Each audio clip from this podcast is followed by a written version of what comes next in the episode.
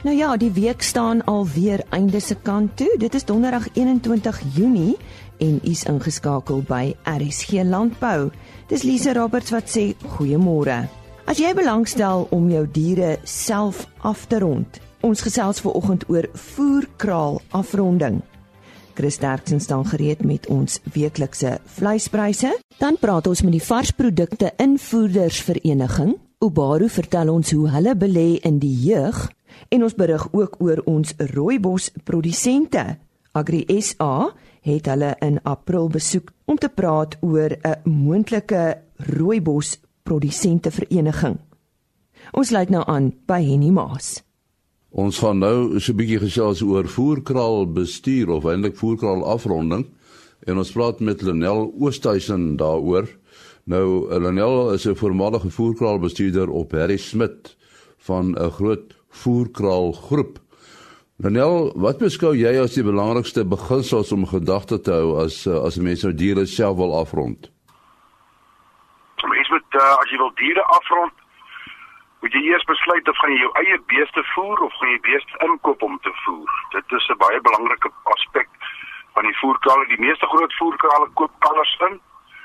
En van daar af begin 'n mens dan as jy besluit jy gaan jou eie kalvers voer, baie boere voer hulle eie kalvers of hulle eie mielies en hulle gebruik net daai beeste en daai mielies tot dit op is en dan verkoop hulle hulle weer. Die voerkraalbedryf sal koop beeste in op 'n sekere gewig en hulle verkoop hulle weer op 'n sekere gewig. So ek sou sê die belangrikste aspek wat 'n mens moet in gedagte hou is net om eers te besluit wat wil jy doen. Want wil 'n mens vir 'n hele jaar voer of wil jy net vir 'n periodieke tyd voer van sê maar as jou speenkalvers gespeen word en dan waarde toevoeg tot jou eie speenkalvers. Ja, en dinge soos die mielieprys speel ook 'n rol nê wat daai besluit betref. Ja, ek dink die mielieprys het 'n is omtrent wat jou jou rantsoene bestaan gewoonlik uit 60% mielies. En so dit dis omtrent die grootste effek op jou koste. Is die is die mielieprys en die voer die behalwe die kalfsprys is die voerprys die tweede grootste komponent wat die wat bydra tot jou finansiële posisie waarin jy gaan bevind in 'n voerkraal. En uh die die beginsels van 'n goeie krip bestuur. Uh gesels 'n bietjie daaroor? Ja, ons het uh baie navorsing was al gedoen oor krippe. Beeste eet net 'n sekere hoogte bokant sy kloutjies. Hy kan nie laer as sy kloutjies eet nie, so die bodem van die krip moet 'n bietjie hoër wees as die beeste kloutjies byvoorbeeld. Dis waar jy begin met krib bestuur. Krib bestuur is van die mees essensiële belangrike dinge wat jy kan doen wat jy kan 'n paar goed manipuleer in die voerkas so jy kan krip bestuur is een van die belang daar's 'n man in Australië gewees Doyle wat beeste se natuurlike gedragspatrone dopgehou het en hulle het besluit hulle gaan beeste voer soos wat hulle in die natuur hy staan op vroeg in die oggend as die son begin opkom en hier by 12:00 dan lê hulle tot 3:00 in die middag en dan begin hulle weer 3:00 in die middag begin hulle weer vreet en dan gaan hulle maar weer tot na nag toe om te vreet. So ons het geprobeer om sulke goed in die in die voerkraal probeer jy om dit te om dit te simuleer. Jy gee byvoorbeeld van jou as jy 'n besluit geneem het jou voer begin nie meer 7:00 in die oggend nie, jou dag begin 12:00 in die middag. So as jy as jy 'n kripbestuurstelsel vat, dan vat 'n mens van 12:00 die middag tot 12:00 die volgende middag en dan gooi jy 70% van jou van jou kos wat jy gaan allokeer, gooi jy van 12:00 vanmiddag tot 5:00 vanmiddag en 30% van dit wat jy sou allokeer van 7:00 in die oggend tot 10:00 in die oggend. As jou kripbestuur optimaal is, behoort jou krippe 12:00 in die middag amper leeg te wees. En dan gebruik mense bankskor 7:00 in die oggend om jou kriplesings te vat, sê byvoorbeeld 0 is nou heeltemal blank gelek en 5 is oorvol. So jy jy werk jou eie skaal van 1 tot 5. En as jy met sulke goed werk, dan begin jy nader aan agterkom dat as jy die krippe reg bestuur, die beeste gaan lê 12 uur. Hulle lê tot 3 uur in die middag. Hy herkou, 'n bees wat herkou, maak sy eie uh, buffers binne in sy speeksel. So jy gaan baie minder voedingsteernisse en al sulke goed kry. Miskien is naakse vraag om te vra, sou iets soos 'n uh, temperatuur, uh, voerinname be beïnvloed? Ja, temperature, klimaat speel 'n groot geweldige rol. Beeste te aanvoeling 3 dae ten minste voor daar groot veranderinge in die weer kom, kan jy groot sien patroon veranderinge sien in jou innames en sê maar daar kom nou 'n storm of 'n groot koue front wat ons gaan tref oor 3 dae dan gaan jou inname op en daai dag as dit baie koud is dan gaan jou inname totaal dramaties daal. So besig te groter aanvoeling vir vir klimaatsveranderinge as wat ons dink, maar dit het gebeur al in 'n tyd so jy kom in op 'n punt waar hulle kan sê as jy sien jou inname neem dramaties toe en jy verwag daar gaan iets gebeur. En die dag as daar regtig iets gebeur soos 'n groot storm of 'n groot sneeustorm, dan begin jou inname weer afplat. En dan moet jy mens veral kyk na sulke goed dat jy nou nie die die beeste moet reg gevoer word en reg dopgehou word dat jy nie sulke sulke goed soos kry soos opblaase en rooi germ en daai tipe goed wat alles voedingssteurnisse is. Daar sê ons sê baie dankie aan Lenel Oosthuizen wat uh, gesels het oor voerkraal afronding. Dankie Henny, dis nou eers tyd vir ons vleispryse. Dit is pryse wat behaal is by veilinge in die Noord-Vrystaat en die datum van hierdie veilinge was Dinsdag 19 Junie en soos altyd aan die woord Chris Derksen. Dit is belangrik om daarop te let. Ek het gedink laasweek se lampryse wat so geweldig hoog is, is 'n uitskieter, maar die pryse bly so baie mooi en ek is baie bly vir die boere om dit te rapporteer. Ek gee vir julle presiese pryse. Speenkalvers onder 200 kg R36.52 per kilogram lewendig dan van 200 tot 250 kg R35 en 5 sent per kilogram en oor 250 kg R33 en 10 sent per kilogram. A klasse R26 en 8 sent, B klasse R22 en 13, C klasse vetkoeie R20.88 en maarkoeie het gewissel van R17 en 11 sent na R18 33 sent. Slagbulle was R22.51. Vanaf die skaapmark, die stoorlamprys is R54.44. Slaglam R37 presies. Stoorskape R29.32 en vetskape R28.91 per kilogram.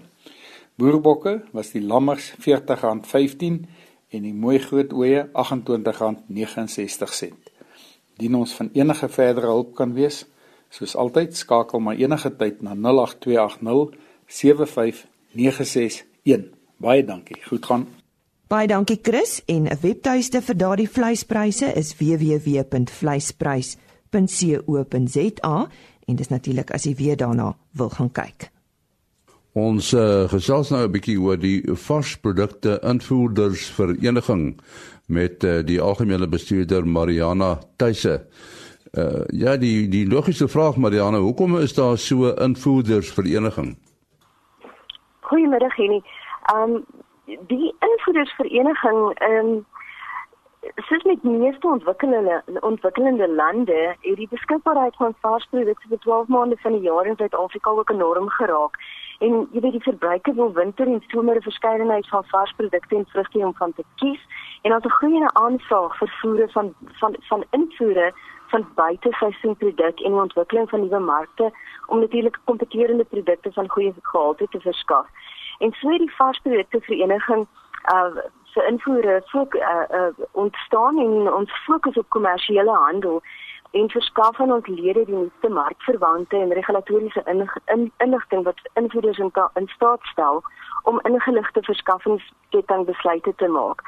Die vereniging verteenwoordig dus ook sy lede op verskeie forums met relevante regulatoriese owerhede en om sodoende invoerprioriteite soos byvoorbeeld die ontwikkeling van nuwe markte uh, vir invoere te dryf. Jy weet invoerregulering van varsprodukte het 'n baie belangrike biosekuriteitsaspek wat sekere tegniese kundigheid en kapasiteit vereis. En deur hierdie markte en markuitdagings te prioriseer, kan ons met die beskikbare kapasiteit wat ons het in die land, ehm um, dit probeer ten volle benut en dan terselfdertyd 'n bietjie meer voorspelbaarheid vir die bedryf ten opsigte van hierdie biosekuriteitsrisiko's skep. So, ehm um, die vereniging skep dus 'n nasionale platform as jy wil vir invoerders van varsprodukte om met mekaar en met ander rolspelers te skakel en sodoende die regte markbesluite te kan neem en bedryfskwessies aan te spreek wat jy weet veilige en, en vrye handel dan ondersteun. Nou Marianne, daar is sekerlike uh, kritiese faktore wat die verskaffingsketting vir die invoer van vars produkte ehm, affekteer. Wat is hierdie uh, faktore? En die belangrikste is uh, sekerlik effektiewe logistiek en tegnologie wat spesifiek aan um, fokus op sanitêre en fitosanitêre uitdagings. Ehm um, hoe ons dit kan hanteer en om te verseker dat die korrekte volume van die regte produk op die regte tyd en op die regte plek in die regte kondisie en teen die regte koste gelewer kan word. So ehm um, sanitêre en fitosanitêre soos wat vroeër genoem het nasionale kapasiteite is waarskynlik een van die belangrikste potensieel beperkende aspekte vir die varsprodukte ehm um, ketting en vir alles dit in as dit uh, dit met betrekking tot invoere. Jy weet die varsprodukte skep 'n potensiële pad of 'n bron vir die verspreiding van siektes en pla wat hierdie ehm um, wat 'n sekuriteitsrisiko inhou, 'n biosekuriteitsrisiko inhou en ehm um, so buiten die direkte gesondheidsrisiko's wat sulke kwarantaineorganismes sou inhou, is daar natuurlik ook logistiese en finansiële reperkusies vir die invoerder en dan 'n invoerbesending vertraag word by die hawe of selfs in sommige gevalle vernietig moet word as gevolg van kwarantaineorganismes wat gevind word. Ehm um, so jy weet die die die handelssukses van varsprodukte in die globale mark is dis nou gekoppel aan die aan die vermoë van die handelaar of die invoerder om aan sanitêre en fitosanitêre vereistes te voldoen. Ehm um, en binne in die organisasie werk ons op baie nou met regulatoriese owerhede om hierdie sekuriteit biosekuriteitsrisiko's aan te spreek en seker te, te te maak dat ons invoerders kan voldoen en veilige produk kan lewer. Ja, tegnologie speel seker ook 'n belangrike rol, né? Nee? Absoluut, ja. Ek weet wanneer jy met varsprodukte werk, is die eerste ding waarna mense dink die koue ketting.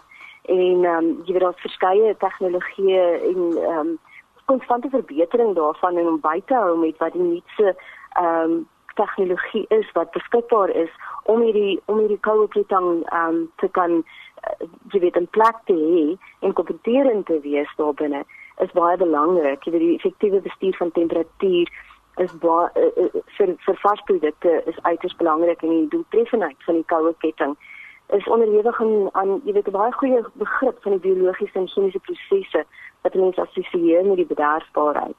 Ehm um, so koue kettingdeur is in in alle tegnologie wat daarmee te doen het is is baie belangrik.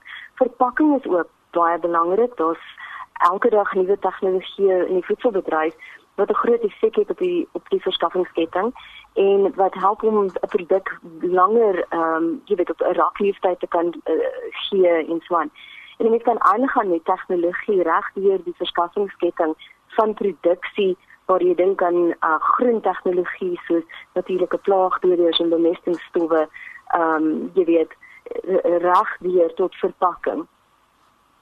En nou as jy mens kyk na die vrugte en groente wat ingevoer word in die winter, wat watter uh groente en vrugte word tipies in die winter ingevoer hier na ons toe?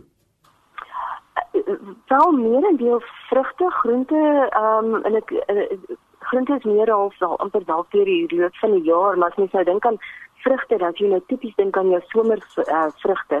Jy weet ons voer byvoorbeeld lychees in van Israel in die winter. Avokados van Israel, Spanje en Chili. En dan al die steenvrugte soos pruime, nektarine, uh, perskes, ehm um, appelkose word ingevoer van lande soos Bulgarië, Israel, Marokko, Spanje, sekerlik een van ons grootste invoermarkte, die Verenigde Koninkryk. En dan is daar natuurlik um vrugte soos druiwe wat van Israel en Egipte en Spanje ingevoer word. En selfs kiwi vrugte van lande soos Italië en Nieu-Seeland. Uh die die uh, produkte kan dit nie plaaslik gestoor en geproduseer word nie. Die uitdaging met varsprodukte is dat jy weet 'n produk het in die eerste plek 'n baie beperkte stoor en rak leeftyd. Dit is nie soos grane of neute wat 'n mens wat tipies geoes word en droog gestoor kan word vir lang tye nie. Ehm um, jy kan vrugte en groente, sekere vrugte en groente vir 'n bietjie langer stoor dan as ander. Die, jy weet dit is baie spesifiek binne baie spesifieke omstandighede. As mens nou dink aan ehm um, iets soos appels wat jy koud en klam stoor of knoffel en eie wat jy koud en droog stoor en so voort. Maar maar al hierdie opsies is eintlik baie beperk as dit kom by by vrugte en groente en, en spesifiek ten ten opsigte van kommersiële handel. Dan is daar natuurlik ook die die die aspek van lokale produksie en die kapasiteit daarvan. Jy is beperk in terme van jou produksie periodes. Ehm um, en so jy kan sekere gewasse aanplant in sekere areas, sekere tye van die jaar, maar nie noodwendig 12 maande van die jaar nie. En daarom is ons invoere ehm um, fokus dit op buiteseisoenprodukte wanneer mens dink aan varsprodukte. So julle is ook waarskynlik uh wisselkoers sensitief. Ja, nee, absoluut. Ehm um, dit dit het 'n dit het 'n groot ehm um, groot impak ehm um, op op hoe die mark wissel en wat mense sal betaal, jy weet wat wat watter lande gebruik word. En dit het ook natuurlik 'n effek op hoe ons na nuwe markontwikkeling kyk. Um, om vir ons meer opsies te gee soos wat jy weet om te hou met um, die uitdagings vir die wisselkoers um, jy weet vir 'n mens inhou.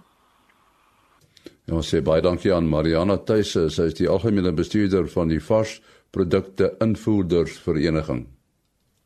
Daar is 'n tekort aan jong mense wat by landbou betrokke wil raak. Daar gaan altyd sosio-ekonomiese kwessies en struikelblokke wees, maar die toekoms van landbou lê in die jeug se hande. En dit is die woorde van Nick Bronkhorst, die besturende direkteur van Ubaro. Ons gesels juis ver oggend met hom hieroor. Nick, goeiemôre. Wat doen Ubaro om hierdie kwessie aan te spreek? Goeiemôre. Ons het um, so 10 jaar terug as agtergekom dat definitief 'n gebrek aan belangstelling by die jeug om by landbou betrokke te raak. En ons het vir mekaar gesê ehm um, ons moet eers ouens kry om weer landbou as as seksie te ervaar as ons dit so kan sê. En ons het begin by universiteit om om gegradueerdes daar te werf. Ehm uh, baie van hulle ehm um, baie onervare en baie van hulle wat niks van landbou weet nie. Ehm um, en ons het begin deur 'n leerlingskap waar ons hulle elke aspek in die landbou aan blootstelling gee. Ehm um, hulle werk by ons handelswinkels as petroljoggies, as kassiere, saam met die landboukundiges, saam met die markers. Ehm um, en elke faset van landbou ehm um, kry hulle blootstelling daaraan. Ja, hierdie leerlingskap is so so jaar lank en ehm um, nou het hulle dan 'n kwalifikasie in, in algemene bestuur. Ehm um, baie van ons bestuurskorpstans kom uit hierdie program uit. Ons doen dit nou so 7 jaar. En um, ons gaan ook hierdie jaar ons ook uitbrei na die finansiële dienste omgewing toe. Ehm um, ons dink is regtig belangrik om die jeug betrokke te kry want dit is dit is juist wat ehm um, landbou die toekoms gaan invat. Uh nee, kom ons praat 'n bietjie verder oor oor die program en julle in die ontwikkeling van die jeug in in landbou. Jy het nou genoem dat daar van die mense is wat by julle werk maar ehm um, dit is seker so 'n bietjie breër en wyer is dit. Ja, nee, dit is definitief breër is breër is dit. Ehm um, dit is 'n nagraadse bestuurskwalifikasie wat ehm um, wat hierdie individue verwerf. Is baie prakties gerig. So na hulle hulle blokke wat hulle doen by elk by die, by die spesifieke onderafdelings by ons maatskappy, wat hulle ook 'n aanbeveling kan doen oor prakties wat hulle geleer het en dan ook innovasie en voorstelle maak oor hoe hulle dan in landbou ehm um, meer effektief en uh, kan wees in in in die prosesse wat wat hulle in die afgelope blok deur is. Ehm um, baie van van ons nuwe inisiatiewe kom ook van hierdie jong mense af. Ehm um, hulle dink bietjie anders oor landbou. Hulle is nie so geëik in hulle in hulle wees soos wat soos wat baie ouens is wat jare lank in landbou is nie. Ehm um, en dit dit beteken dat daar ja uit ander industrieë uit en en ehm um, uh, praktyke in ons landbou te kom wat ons meer effektief maak om dit vir boere uh dit moontlik maak om meer winsgewend te wees. Ehm um, so dis 'n dis 'n baie ehm um, ehm um, ek wil amper sê dit is baie eksperimenteel, maar die in praktyk dit wat ons daai kry gee vir ons definitief waarde en ek dink vir die breër landbou en vir die boer dit ook baie waarde toe. Is jy by landbou skole betrokke? Ehm um, ons is tans betrokke by by uh, Becker en by Wagbos, landbou skole wat in ons bedieningsareas is. Ons het so 2 jaar terug het ons met 'n internskap begin met hulle ook. Ehm um, en ek dink dis dis een ding om om by na universiteit met ouens betrokke te kry by landbou, maar dit is nog belangriker om om om skooliere uh betrokke te kry by landbou. Hoe vroeër jy begin, hoe vroeër begin jy uh die belangstelling in landbou prikkel.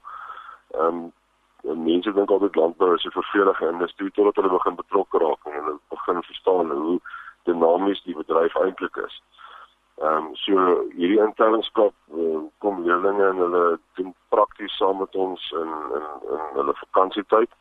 Hulle gaan uit saam met ons insetbemarkers en ons landboukundiges na boere toe en hulle uh werk fisies saam met hulle op die plaas en hulle kyk hoe werk 'n boerdery en en hoe kan hulle dan later waarde toevoeg daartoe. En dan hierdie leerlinge wat hier is van internskap is is dan ook van die van die leerlinge wat ons dan na skool inneem in ons bestuurdersleerlingskap. Nou goed, hoekom praat ons nou met jou daaroor? Ehm um, is daar uh, geleenthede hierdie vakansie of is dit maar vir die toekoms? So, ehm um, wie ons inname is is begin min of meer van van Junie af. Wat ons begin met onderhoude en wat ons begin adverteer. Ons besoek uh, die universiteite, um, koffsies en en en pikke. Ehm um, en by hierdie oop dae, ehm um, stel ons ons leerlingbestudierskap beskikbaar ons hou ook oop daar by skole. Ehm um, daar word 'n keringproses gedoen en uit daai kortlys uit uh, identifiseer ons individue wat ons dan by die by die program ehm um, insluit en, en sommige ons op pad stap. Waar kan toekomstige kandidaate aansoek doen vir die Ubaru leerlingbestuurder program? Die maklikste is om na ons webtuiste te gaan, is uh, www.ubaru.co.za. Ehm um, en dan kan enige iemand ons kantoor skakel vir Christa House by 012 381 2800. Herhaal net vir ons haar naam en telefoonnommer asseblief Nik. Dit uh, is Christa House. Sy is ons menslike hulpbronbestuurder en haar telefoonnommer is 012 381 2800. Sê baie dankie aan Nick Bronkhorst, hy's bestuurende direkteur by Ubaru en ja, daar's 'n geleentheid vir ons jeug in landbou. En net so 'n bietjie meer oor spesifieke kwalifikasies. Ubaru is verlede jaar deur die Instituut van Interne Auditeure Suid-Afrika as 'n werkplek opleidingsverskaffer geakkrediteer. Ubaru kan toekomstige interne auditeure die geleentheid bied om opleiding in die beroep te ontvang en 'n NKR7 en NKR8 kwalifikasie te voltooi. En die landbou skole internskap bied leerders die ondervinding in mekanisasie, versekerings, finansiering, bemarking, besproeiingsontwerp, landbounavorsing en veeproduksie. Hulle leerling bestuurderprogram bied kandidate wat die program suksesvol tooi 'n kwalifikasie van 'n NKR5 in algemene bestuur. Net weer hulle webtuiste, dit is www.ubaru.co.za en vir die wat nie weet nie, dit is O B A R O. En vir ons laaste bydrae vanoggend, sluit ons weer aan by Henny Maas. Agri Suid-Afrika het uh, die einde van April in Citrusdal gaan kuier en 'n uh, werkswinkel saam met 'n uh, rooibos uh, produsente gehou oor die moontlikheid om 'n produsente liggaam te stig en ons praat 'n bietjie met Pietman Roos van Agri SA wat ons uh, meer daaroor gaan vertel. Uh watter strukture bestaan op die oomblik in die rooibosbedryf uh, Pietman? So daar staan 'n 'n 'n rooibosraad, maar hulle kyk meer na die verwerkers van rooibos. Die produsente self het het nog geen strukture nie. En ehm uh, wat in hierdie werkswinkel uitgekom het is dat jy weet dit is dit is 'n baie nis ehm uh, tipe bedryf. So die navorsing wat benodig word word nie gedoen nie. Dis byvoorbeeld nie soos 'n graan waar jy weet oor die hele wêreld word navorsing gedoen nie. Rooibos is net in Suid-Afrika uh in die Wes Weste van Suid-Afrika uh word dit gegroei. So jy weet uh, wat ons agtergekom het in hierdie werkswinkel is dat die boere het nogals en die produseerders het nogals 'n 'n 'n behoefte om hulle fondse saam te sit en om, om navorsing te ehm um, laat gebeur. En en Agri SA wat watter rol sal Agri SA speel om die rooibosbedryf te help? So ons het ehm um, ervaring in die organisasie van van van landbou organisasies van die verskeie bedrywe. Ehm uh, dit is 'n taamlike gecompliseerde uh, saak om seker te maak dat die verskillende produseerders se stemme gehoor word, maar dan nog steeds um, 'n mate van samehorigheid uiteindelik aan die dag in die einde van die dag gebeur. So ons um, wil hulle graag help om die organisasie te stig en sodra jy praat van organisasie stig, moet jy kyk na hoe gaan dit befonds word en hoe gaan die strukture werk en natuurlik ehm um, sou hulle by ons wil aansluit, hoe ehm um, hoe kan ons hulle dan ook ondersteun om so gou as moontlik hulle die produseerders te ondersteun. En uh, as jy nou moet kyk na waaroor gesels is, uh, sou jy sê dat uh, die rooibos produsente dat hulle positief is oor wat hulle gehoor het? Ja nee, verseker. En dit is spesifiek die terugvoer wat ons van hulle gekry het is dat hulle jy weet dit ehm um, hulle wil graag bietjie navorsing laat laat commission om te hoor te verstaan hoe kan hulle uh, produksie uh, verhoog. Hulle wil graag begin kyk na um ander uitvoermarkte om te kyk waar jy kan gaan. Ek het gister met ehm um, afgevaardig van Frankryk gepraat en hy het vertel my rooibos begin al hoe meer populêr word in Europa. So dis baie goeie nuus en ek dink dis nou die tyd vir rooibos om 'n uh, wêreldwye uh, erkenning te begin kry. Wat sou die volgende stappe nou wees? So die die bal is grootliks in die produseerders se hande. Ons is daar om hulle te help sou hulle besluit, maar daar is eh, jy weet dit is 'n taamlike tyd en hulpbron intensiewe proses om mense te begin saamkry. Ehm um, ons is in skakeling met die produsente wat daar was. So met ter tyd sal ons meer en meer met groei en hoor hoe kan hulle bydra, hoe kan ons help um, om se organisasie te stig. Dit is 'n taamlike um, nie duur nie, maar moet daar's geld wat nodig is om om om 'n organisasie te bedryf. Jy weet daar's ons kantore nodig en daar's 'n beamptes nodig. So met die tyd gaan ons hopelik konsensus kan kry oor hoe die befondsing ook sal werk. Ja, as mens daaraan dink, die meeste mense dink aan uh, rooibos tee as hulle die woord hoor, maar daar's natuurlik ander uh, produkte wat ook gemaak word van rooibos, né? Nee? Definitief, en dis eintlik 'n merkwaardige ehm uh, plantjie jy weet uh, soos jy heel reg sê dis tee maar dit kan gebruik word vir skoonheidsprodukte en dit soveel antioksidante dit is so 'n gesonde produk dat dat sy uh, gebruikswaarde baie hoër is as dit is as meeste ander uh, produkte op die mark. En en en die area waar uh, rooibos voorkom, uh, sou dit uitgebruik kon word? Ek twyfel. Kyk, daai ehm um, rooibosplantjie hou van spesifieke klimaat en en hoogte bo see speel.